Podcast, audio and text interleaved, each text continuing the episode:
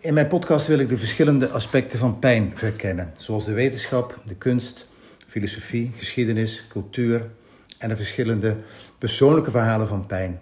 Wij kijken steeds veel anders met andere ogen naar die ene persoon met pijnklachten. Samen wil ik op zoek naar de manier waarop er tegen pijn aangekeken wordt. In de serie Pijn door de ogen van heb ik vandaag een gesprek met uh, Marcel Balkstein, voormalig tophockeyer. Geboren in Gelderop, opgegroeid in Hezen. Sportgek, winnaar puur.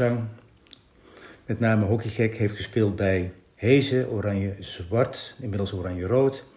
En uh, Krevelder HTC, Hockey- en Tennisclub. International, 108 interlands voor Oranje. En hij staat ook op de topscorerslijst. Zijn palmares zijn diverse gouden, zilveren en bronzen medailles bij Olympische Spelen, wereldkampioenschappen, Europees kampioenschappen, Champions Trophy en de World League. Viermaal landskampioen bij Oranje Zwart en bij deze club ook de Europa Hockey League gewonnen. Zeg maar de Champions League voor de hockeyer. Marcel is 42 jaar ongehuwd, studeerde fiscale economie aan de Universiteit in Tilburg, werkte 10 jaar voor ABN AMRO en is in dienst bij Brabant Sport en runt zeer succesvol zijn eigen hockeyschool. Hij verzorgt presentaties voor bedrijven en is specialistentrainer verdedigen bij de Nederlandse hockeymannen.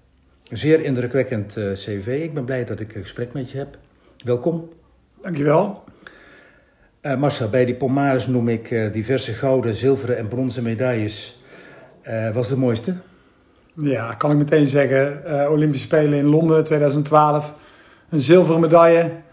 sommige mensen zullen zeggen, ja, het is geen goud. Maar zeker na het jaar wat ik toen heb gehad, was, is het een zilveren medaille geworden met een, met een gouden rand. Ja. Een, ja, een, op een uniek evenement. Ja. Open deur. Ja. Nou ja, misschien wel open deur. we hadden tijdje terug er nog over van uh, of wereldkampioen of een zilveren Olympische uh, spelen. Dan zou ik uiteindelijk wel kiezen voor een zilveren uh, Olympische medaille. Omdat ja, de impact daarvan is zoveel groter nog dan een wereldkampioenschap. En ja, nou ja vandaar, makkelijke keuze. Ja. Marcel, ik wil beginnen met een vraag die ik laat horen. Een vraag die gesteld is door mijn vorige gast Piet Hoek. Ik laat hem je horen. En tegen het einde kom ik daarop terug en dan hoop ik een antwoord van je te krijgen. Daar komt hij. Wat is voor jou het grote verschil tussen fysieke en psychische pijn? Mooie vraag. Zeker. Voor straks. En ook uh, alvast om even over na te denken. Uh, wat ik mijn volgende gast kan vragen namens jou. Dat is Hans van Kuik, sportarts in het Ander ziekenhuis. Specialisatie inspanning, fysiologie en diagnostiek. Marcel, wat, uh, wat moet een podcast uh, met, uh, over pijn met een topsporter? Heb je daar een idee bij zelf? Nou ja, aan de andere kant, ik denk dat net Piet Hoek misschien het juiste wel zegt. Ik denk dat in de topsport je vaak te maken hebt met fysieke pijn. Als je geblesseerd bent, maar ja, met name als je geblesseerd bent of, of in een wedstrijd, als je net toevallig een bal op je knie krijgt, dan heb je met pijn te maken. Maar je hebt ook met fysieke pijn te maken. Fysieke pijn van, of sorry, mentale pijn te maken. Mentale pijn van het niet geselecteerd worden. of ja, het feit dat, dat je maatje niet meegaat. Of nou, noem eigenlijk maar op. Dus je hebt met verschillende soorten pijn wel te maken in de topsport. Ja. Pijn heeft meerdere gezichten. Hè? Dat, dat, al heel lang mijn interesse. Pijn kan verlammen, kan je verdrietig maken, heel boos maken, bang. Maar ook het beste in iemand naar boven halen. Hè? Denk een soldaat in de oorlog of uh, geboorte van een kind. Maar ook een uh, sporter met een enorme winnaarsmentaliteit. Kun je iets vertellen over, jou, over het opgroeien van jou in dat klimaat... waardoor jij zo'n topsporter bent geworden eigenlijk in jouw ogen? Nou, ik denk dat, dat, dat de, de pijn ervoor heeft gezorgd dat ik uiteindelijk wel de top heb gehaald. Um, ik heb een tijd terug is er een biografie over mij geschreven en dan kijk je wel eens terug naar, hè, natuurlijk naar de afgelopen jaren. En dan denk je van, ja, waarom, waarom heb ik nu eigenlijk de top gehaald? En natuurlijk heb je altijd een stukje geluk nodig. Maar bij mij zat het met name ook wel in die, in die mentale pijn. Het niet afgewezen willen worden. Het altijd maar in de basis willen staan. Het altijd maar geselecteerd willen worden. En, en het idee dat je pijn ging krijgen als je niet geselecteerd ging worden... zorgde ervoor dat je de lat voor jezelf steeds hoger ging leggen... En uh, ja, nooit eigenlijk tevreden was. En, en dat is eigenlijk bij mij wel gebeurd. Ik ben zeker in de eerste fase van mijn carrière, nou eerste fase, misschien zelfs tot mijn 30ste, 31ste, toen mijn broer overleed, was ik daar altijd zo mee bezig dat, dat ik eigenlijk die pijn voor wilde zijn. En dus maar zo hard mijn best bleef doen, dat ik uiteindelijk de beste werd. En uh, de beste verdediger dan wel te vertellen, want uh, dat was ook echt wel mijn kwaliteit. Maar ja, die pijn heeft er wel voor gezorgd dat ik uiteindelijk steeds, ja, steeds een stapje extra deed en de lat steeds een beetje hoger ging leggen. Ben je daarin gefaciliteerd door je ouders? Um, nou, ik denk als je kijkt naar onze thuissituatie, dan, uh, dan, dan was mijn broer meer getalenteerd dan ik, zowel op school als misschien ook wel met hockey. Dus ik denk dat ik onbewust wel het gevoel heb gehad dat ik daar tegenop moest boksen. Terwijl mijn ouders mij altijd wel mee hebben gegeven, doe vooral iets wat je heel erg leuk vindt. Maar onbewust heeft dat er misschien wel toe bijgedragen. Uh, en heeft het ervoor gezorgd dat ik uiteindelijk met prestaties toch probeerde om mijn eigen onzekerheid uh, ja, achterwege te laten. Ja in jouw boek, Bikkelhart, Hart met een T, lees ik ook dat toen je een klein mannetje was en dat jullie gingen spelen samen en dat werd een partijspel, dan uh, verliezen, dat kwam eigenlijk uh, niet zo goed in je woordenboek voor. Hè? Nee, verliezen uh, ja, vond ik nooit leuk. Kon ik niet tegen mijn verlies. Ik wilde altijd, inderdaad, altijd winnen.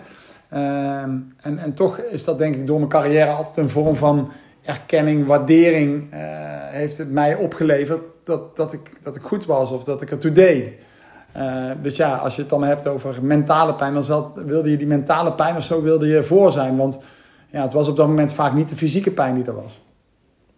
Ja, klopt. In, in het boek, uh, de biografie Bikkelhart, geschreven door Natasja Weber, de sportjournalist van de Volkskrant, lezen we, ik citeer, Jeroen Delmee, oud ploeggenoot en huidige bondscoach Marcel was een vreemde eend in de bijt. Zijn harde manier van verdedigen waren wij niet gewend. Hij genoot ervan om een aanvaller helemaal uit de wedstrijd te spelen en groeide uit tot een van de beste één-op-één verdedigers in Nederland. Het type Marcel Balkenstein is voor ieder team erg waardevol. Daar spreekt heel veel waardering uit. En waar zit dat harde in? Nou, ik... Kijk, je kunt hard ook vertalen als lomp, een kaartenvanger, uh, gemeen. Uh, ik ken in de voetballerij heel veel verdedigers die denken van ja, dat is echt een kei en keiharde speler. Maar zo stond jij toch ook niet bekend? Nou, ik was denk ik wel in het hockey was natuurlijk vanuit vroeger wel altijd een, een, een, een, eh, een technische sport. In Nederland staat er ook onbekend om, hè? net als eigenlijk het voetbal technisch verzorgd hockey. En ik was eigenlijk verre van dat. Ik was een zuiger, ik ben, hè, om de vergelijking te maken, we houden allebei van PSV. Nou ja, uh, uh, op het laatst stond er nog een keer een artikel in de krant van uh, Marcel Balkst en de Mark van Bommel van het hokje. Nou, ik denk dat dat wel bij heel veel mensen wel aangeeft wat voor type speler ik dan was. Het was zuigen, het was irritant, het was op het randje, het was vaker net over. Um, uh, duwen, trekken, af en toe misschien een net te harde overtreding. Ja, en als je dan in Nederland, als je dat in Nederland doet, ja, dan is dat gewoon niet echt dan. zeker vroeger was dat niet echt dan dat dat, dat, dat gebeurde. Ja, en daarom uh, schrijft Jeroen ook, het was misschien een beetje een vreemde eend in de bijt.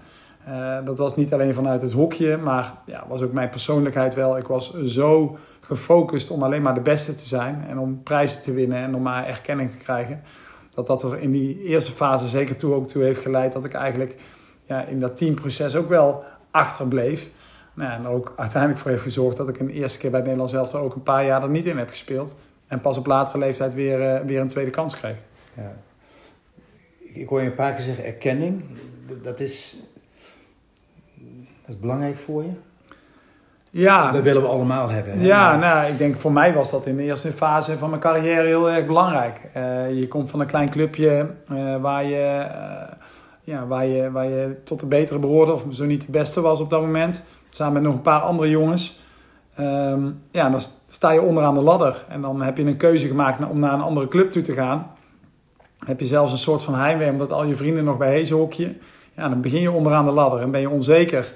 Ja, en hoe kun je je onzekerheid uh, camoufleren is uiteindelijk door punt 1 voor jezelf hard te werken. En je hoopt daarvoor erkenning te krijgen. Bewijsdrang. Omdat, bewijsdrang, omdat, je, omdat het je minder onzeker maakt. Ja. En die onzekerheid heeft heel erg gespeeld bij mij. Ja. Dat harde, ging het ook vaak gepaard met uh, veel blessures? Uh, ja, uiteindelijk heb ik denk ik wel veel blessures gehad. Niet zozeer uh, hamstring of spierblessures, maar met name dingen breken. ik heb mijn vingers op verschillende plaatsen gebroken, mijn kaak, mijn jukbeen. dus ja, ik heb wel veel, wat dat betreft wel veel van, die, van dat soort blessures gehad, ja. Ik lees ook in je boek uh, je, je, genoot van het feit dat, dat je bij een wedstrijd tegen Stichtse... dat je uitgejoeld werd door het publiek. En hoe, hoe erger dat werd, hoe meer je er daarvan genoot... en hoe meer kracht je daaruit haalde. Ja. Dat is bijzonder. Ik bedoel, ik kan me voorstellen dat je daar wel een bepaalde motivatie uithaalt... maar dat dat, dat zo belangrijk is dat je op dat moment denkt van... weet je, ga maar verder, ga maar nog maar harder, ga nog maar harder. Ik word alleen maar beter en beter en beter. Ja, ja, dat is, dat is, die, dat is die, die, die wedstrijdmentaliteit, die winnaarsmentaliteit. Omdat ik gewoon denk van, ik speel hier een wedstrijd, dat is totaal anders dan het, normale leven. Uh, en ik besefte me gewoon, weet je, als iedereen bezig is met mij en niet met de wedstrijd of met de tactiek of met de techniek die je hebt, dan ja, sta je 1-0 voor. En zo keek ik gewoon altijd naar de wedstrijd. En zo keek ik ook altijd naar mijn tegenstanders.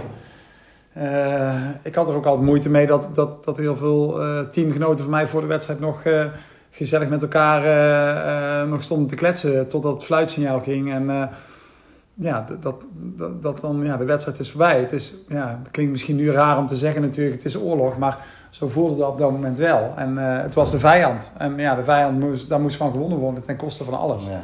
En ja, daar was ik heel, heel strikt in. Daar ben ik op latere leeftijd ook wel... Nou ja, daar kon ik op een andere manier. Maar zeker in die eerste fase was het voor mij echt ja, overwinnen terugkijkend op toen, zou je het nu anders gedaan hebben? Zou je, kijk, naarmate we ouder worden gaan de scherpe randjes er ook een beetje af, hè, natuurlijk.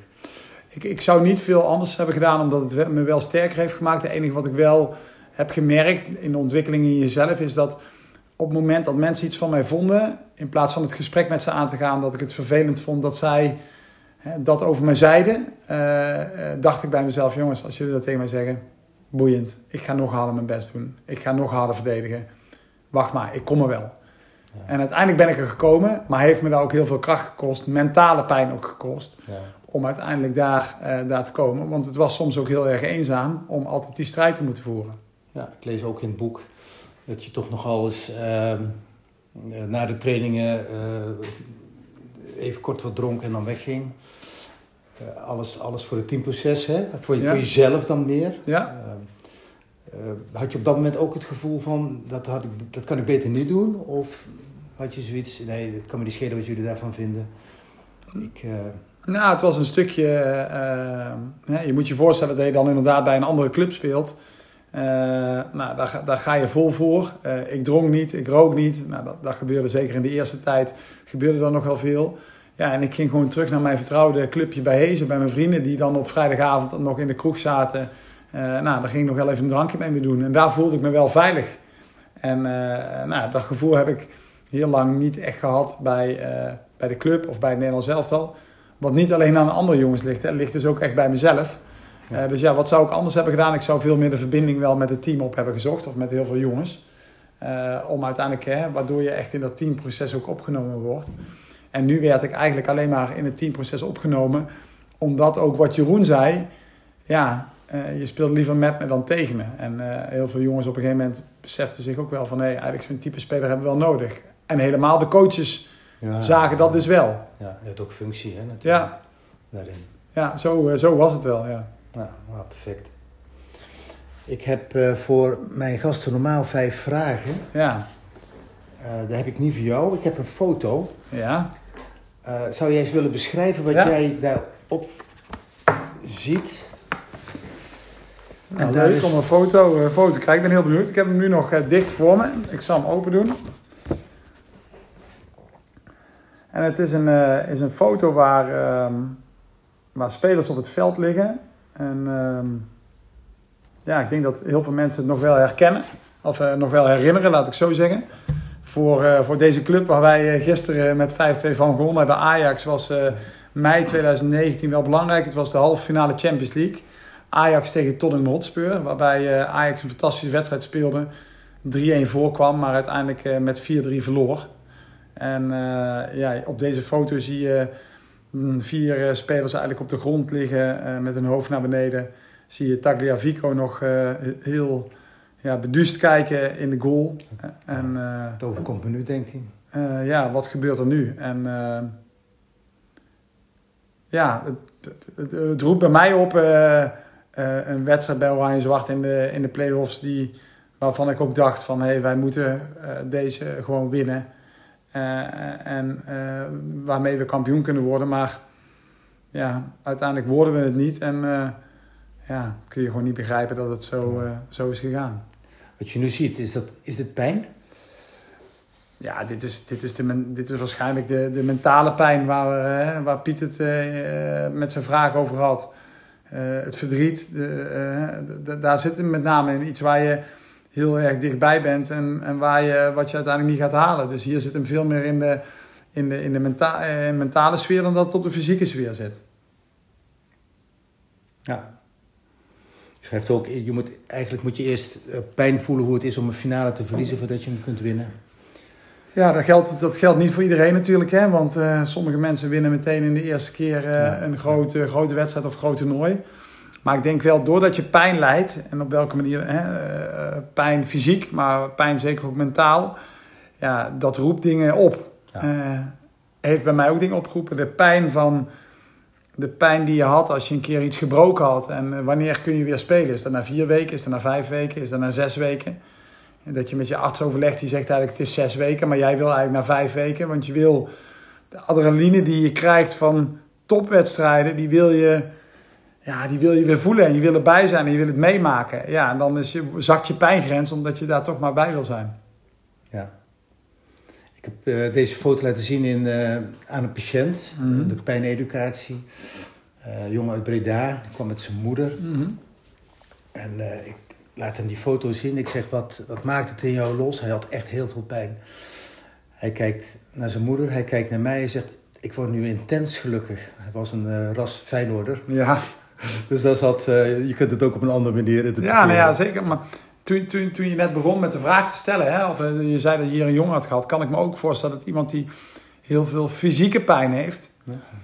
of, of hè, een persoon, kan ik me ook voorstellen dat je zegt, ja, had ik dit maar.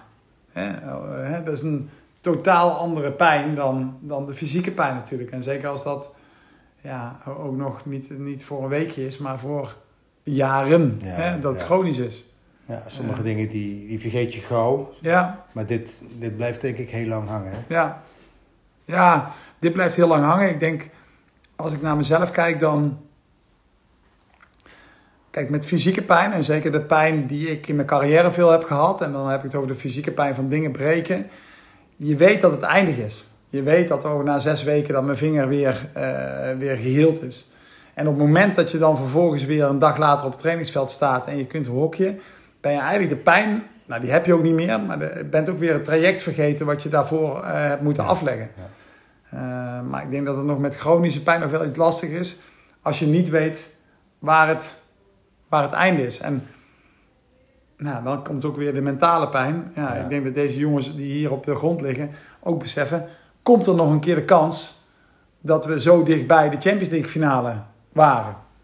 Nou ja, na gisteren in ieder geval eh, Even niet. even niet in ieder geval. Even niet. Ja. Ehm, even terug naar je boek. Je stelt jezelf ontzettend open en, en kwetsbaar op.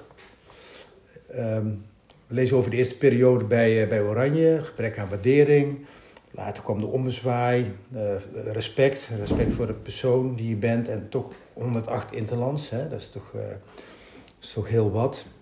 Je beschrijft, eh, dat doe je ook wel heel ontroerend hoor. Ehm, ik heb ook gevraagd of ik dit met je mocht bespreken, daar was je mee akkoord. Eh, maart 2022, het overlijden van je broer. Ja, Je, je, je maatje, hè? ja We deden zeker. alles samen met hockey Ja. en, en, en sparren en, en goede gesprekken, alles. Ehm, de Olympische Spelen kwamen eraan. Je had net een, eh, een heel traject gehad eh, van herstel van een, uh. Ja, klopt. Ja, had gescheurd. Ja. Dus je, je, je was al klaar met vechten even, hè? En Ja. toen dat. Ehm, rare vraag, wat doet dat met je? Maar op dat moment spelen er heel veel dingen door elkaar heen natuurlijk. Hè? Je- je- het, het verdriet van, maar ook de wil om naar de Olympische Spelen te gaan. ja.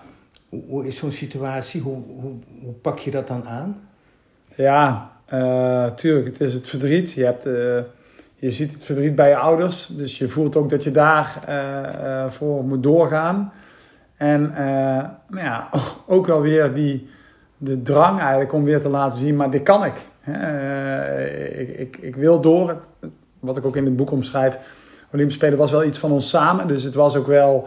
mijn broer wilde heel graag met onze vrienden naar het Holland Heinekenhuis... en natuurlijk wedstrijden van mij bekijken.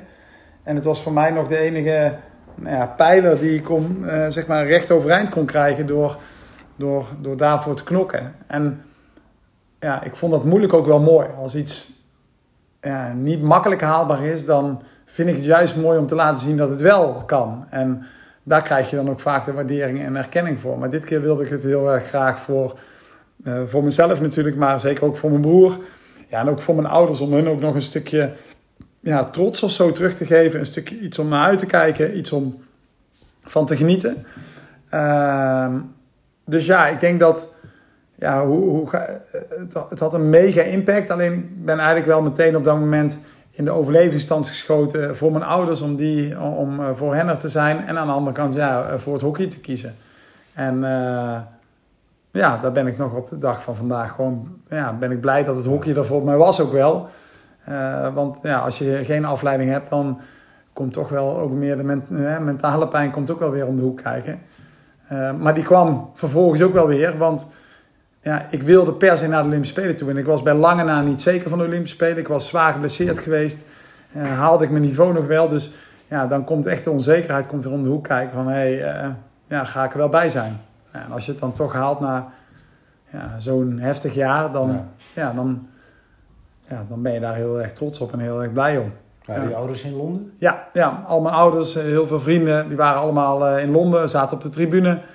Uh, ja, dus ik heb, uh, ik heb geen mooiere momenten gehad dan daar. En uh, nou, ik denk dat daar ook wel, na het overlijden van mijn broer, ook wel het harde randje van Marcel, de hokje, die ja, eigenlijk oogkleppen op en alleen maar gaat, is verbreed naar iemand die nou ja, de oogkleppen oog heeft geopend. En naast de discipline en structuur die ik altijd wel had, om ook meer open te stellen voor, nou ja, nog voor de anderen en te genieten van alle mooie momenten. Ja. Heeft het overlijden van jouw broer ervoor gezorgd dat je nog gemotiveerder was om daar op die Olympische Spelen iets te laten zien? Ja, voor die Olympische Spelen zeker. Absoluut. Uh, weet je, dat was echt het enige, dat is misschien wel de grootste, het grootste gevecht geweest in de, in, in de tijd nadat hij overlijdt, uh, overleed om, om daarbij te zijn. En uh, gelukkig was het, nou ja, ik kan zo wel zeggen, gelukkig was het niet heel ver van tevoren, want anders had ik nog maanden langer um, voor mijn gevoel moeten knokken. Maar nu was het uh, nou, in maart en in, in begin juli werd de uh, selectie bekendgemaakt. Um, dus ja, het was drie maanden. En ja, in die drie maanden ja, alles moeten geven om er uiteindelijk bij te zijn. Ja, je ziet, je ziet vaak bij mensen die iets meemaken dat, uh, dat ze daarna sterker uitkomen. Hè? Mm -hmm. Mm. Pijn heeft ook ja, een functie. Dat is natuurlijk dat is ook wel een beetje een rare benaming natuurlijk. Maar als jij heel veel tegenslag krijgt even, dat je daarna nog gemotiveerder bent om, uh, om daarmee verder te gaan. Nou ja, daar geloof ik zeker in. Hoe vaker je die worst voorgehouden krijgt. En uh, van in dit geval de Olympische Spelen. Of van een uh, prestatie of om bij wedstrijden te zijn. En elke keer haal je die, haal je die worst bij wijze van spreken niet. Ja, dan blijf je toch een volgende keer 10 seconden langer staan, bij wijze van spreken. Zo werkt het wel gewoon. Ja, bij mij in ieder geval. Dan haal je zilver bij de Olympische Spelen en dan ga je naar huis en dan? Ben, je, ben jij toen verder gegaan met oranje-zwart? Ja, oranje-zwart. Ja. Is het dan een situatie van, nou, dat was, dat was het kunstje waar ik voor gewerkt heb? Nou dan zou je denken, op je hoogtepunt stoppen, zeggen ze wel eens. Zou kunnen. Uh, alleen, uh, ik merkte dat ik dus zo had genoten van de Olympische Spelen. En ik had eigenlijk zo'n niveau gehaald. Ja, ik genoot gewoon van ja, aan de wereld te kunnen laten zien hoe, uh, hoe goed je bent. Aan je familie en aan je vrienden. Ja, en ik werkte op dat moment bij ABN AMRO. En ik dacht ook bij mezelf, ja, ik, ik hockey nog altijd wel liever dan dat ik bij ABN AMRO werk. En er komt een WK in een eigen, uh, WK in eigen land. Ja, waarom, waarom doen we dat niet? En uh, toen ben ik nog twee jaar doorgegaan en uh, ben ik bij de club tot 2017 of tot 2016 doorgegaan. Ja, en heb ik ook nog fantastische uh, momenten mee mogen maken. En dan zie je ook wel wat, succes zorgt er ook voor dat je dingen langer volhoudt. Hè? Eh, en je voelt de pijn minder als je succesvol bent. En je voelt de pijn meer als je dat niet bent. En, nou, daar zit die menta uh, mentaliteit zit daar natuurlijk ook wel bij. Ja, ja duidelijk. Um, hoe gaat het nu met je? Want je hebt, uh, je, hebt je eigen hockeyschool. Ja. Um. Ja, uh, ik heb inderdaad uh, in 2012 bedacht van hey, ik wil een eigen bedrijf, een beetje het hobby begonnen, een hockeyschool voor kinderen. dat is eigenlijk in die eerste jaren heel erg gegroeid. zo goed dat ik uiteindelijk kon stoppen bij ABN AMRO Bank. Nou, daar kwam later Brabantsport nog wel voor in de plek, een plaats, omdat ik gewoon veel meer, nou, omdat ik nog tijd over had. Ehm, maar ja, dus uh, zakelijk is alles eigenlijk heel erg goed gegaan. Ik heb genoten van die jaren die ik nog kon hockey bij Oranje Zwart. Ik hockey nu weer bij Hezen, bij mijn vrienden. Oh. Uh, maar privé is het wel, zijn het wel pittige jaren geweest met, uh, nou ja, met, met een, een stand in mijn kanslagader in 2018. In 2019 mijn vader overleden. In 2020 een scheiding achter de rug. Mijn moeder in 2022 uh, uh, ongeneeslijk ziek geworden en is afgelopen mei overleden. Uh, een relatie die daarna net overgaat. Dus ja, dat waren wel echt, zijn wel pittige tijden privé geweest. Ja. en ja, dan merk je ook dat je daar ook wel tikjes van krijgt en wat gewoon tijd nodig heeft om dat een plekje te geven. laat onverletterd wel gewoon fijn is dat je zakelijk die dingen op een rit hebt, want dan heb je daar in ieder geval een zorg minder over. Ja. ja als je zo gemotiveerd bent en zo, zo, zo fel en zo graag wil, zien we jou terug als trainercoach van een. Poeh, ja, uh, ik zou het zeker. Ik heb mijn papieren heb ik gehaald, inderdaad. Uh, ik vind het ook echt heel leuk. Ik vind het aan de ene kant natuurlijk het teamproces waarin ik ook een rol heb gespeeld, altijd vind ik ook heel erg interessant. Uh, ik, ik hou van het spelletje. Ehm, maar ik, heb, uh, ik vind mijn flexibiliteit die ik nu heb ook heel, heel erg belangrijk. En ik weet ook dat als ik coach word, dat je heel erg gebonden bent aan, uh, nou ja, aan, aan het training geven, aan het coachen. En dat weerhoudt me er wel van. Zeker ook omdat ik gewoon nog, nou ja, weet je, ik heb nog wel een droom om een, een gezinnetje te mogen hebben op een gegeven moment. En nou ja, als dat er komt een keer, dan wil je daar ook gewoon de, de tijd ook goed voor hebben. Dat wil niet zeggen dat als je coach wordt dat je er niet hebt, maar het beperkt je wel heel erg in je vrijheid. En uh, tot nu toe uh, uh, nou, gaat dat voor uiteindelijk een, een, een coachingschap. maar dat het altijd wel kriebelt, zeker. Ik zit nog veel in het hockey, ik geef veel training in het hockey. Ik zie veel dynamiek in, dynamiek in de groepen. ik volg de tactiek en de techniek nog met het hockey. Dus ja, ik zit er nog zo in. En nou, ergens kriebelt het altijd wel. Maar kun je omgaan met spelers die 80% trainen en 90% spelen? Nou, ik denk dat dat wel een ding is waar je natuurlijk, hè, eh, de uitspraak van vroeger was alles anders en vroeger was alles beter. Uh, ja, de jeugd verandert. En, en dat heb ik ook gezien in de hockeyscholen bij mij. Het is niet meer de jeugd van tien jaar geleden. Nee, het is gewoon veel meer de jeugd van alles wordt gefaciliteerd. Het is niet meer dat de, de jongste de ballen rapen. Nee, want waarom de jongste en waarom niet de oudste? Dat moet allemaal samen gebeuren. Uh, alleen ja, dat is ook heel interessant om, om die dynamieken te zien. Ja, dat maakt je uiteindelijk dus een goede coach of je daar goed mee om kan gaan. Zou je daarmee om kunnen gaan, denk je? Uh, nou, ik denk dat ik daar zeker wel om, uh, mee kan omgaan. Ook kijkende naar mijn eigen ontwikkeling die ik heb doorgemaakt. alleen de praktijk moet nog maar blijken of dat ook daadwerkelijk allemaal geaccepteerd wordt. Want maar je, je keeper is er uh, op de belangrijkste wedstrijd van het jaar niet omdat oma jarig is. Nou ja, ik denk in de topsport dat die, die, die vergelijkingen gelukkig je, je eigenlijk gaat, niet meer opgaan. meteen de topsport. Maar als ik dan praat over het niveau daaronder? Oh, niveau daaronder. Uh, nou, ik speel nu bij Hezen. Uh, Heren 2, 30 plus. nou, daar komt de ene, de ene keer wel en de andere keer niet. maar dat is ook goed. Maar dan heb je dat van tevoren afgebakend. Maar zodra je naar... Hè, en ik zie mezelf geen coach worden van zo'n team... Uh, ik zie mezelf wel coach worden van een jong oranje of hoofdklasse. Of, uh, nou, daar, ja, dan, dan zijn er al bepaalde basisdingen waar mensen aan moeten voldoen. Maar dan, dan komt die keeper er niet met een, met een feestje van zijn oma. Nee, nee dat niet. Nee, duidelijk. Marcel, ik wou eens naar de vraag van Piet ja. Wat is voor jou het grote verschil tussen fysieke en psychische pijn? Nou, voor mij is de, het verschil dat in mijn beleving en in mijn carrière de fysieke pijn altijd tijdelijk is geweest. En ik wist dat er een einde aan zou komen.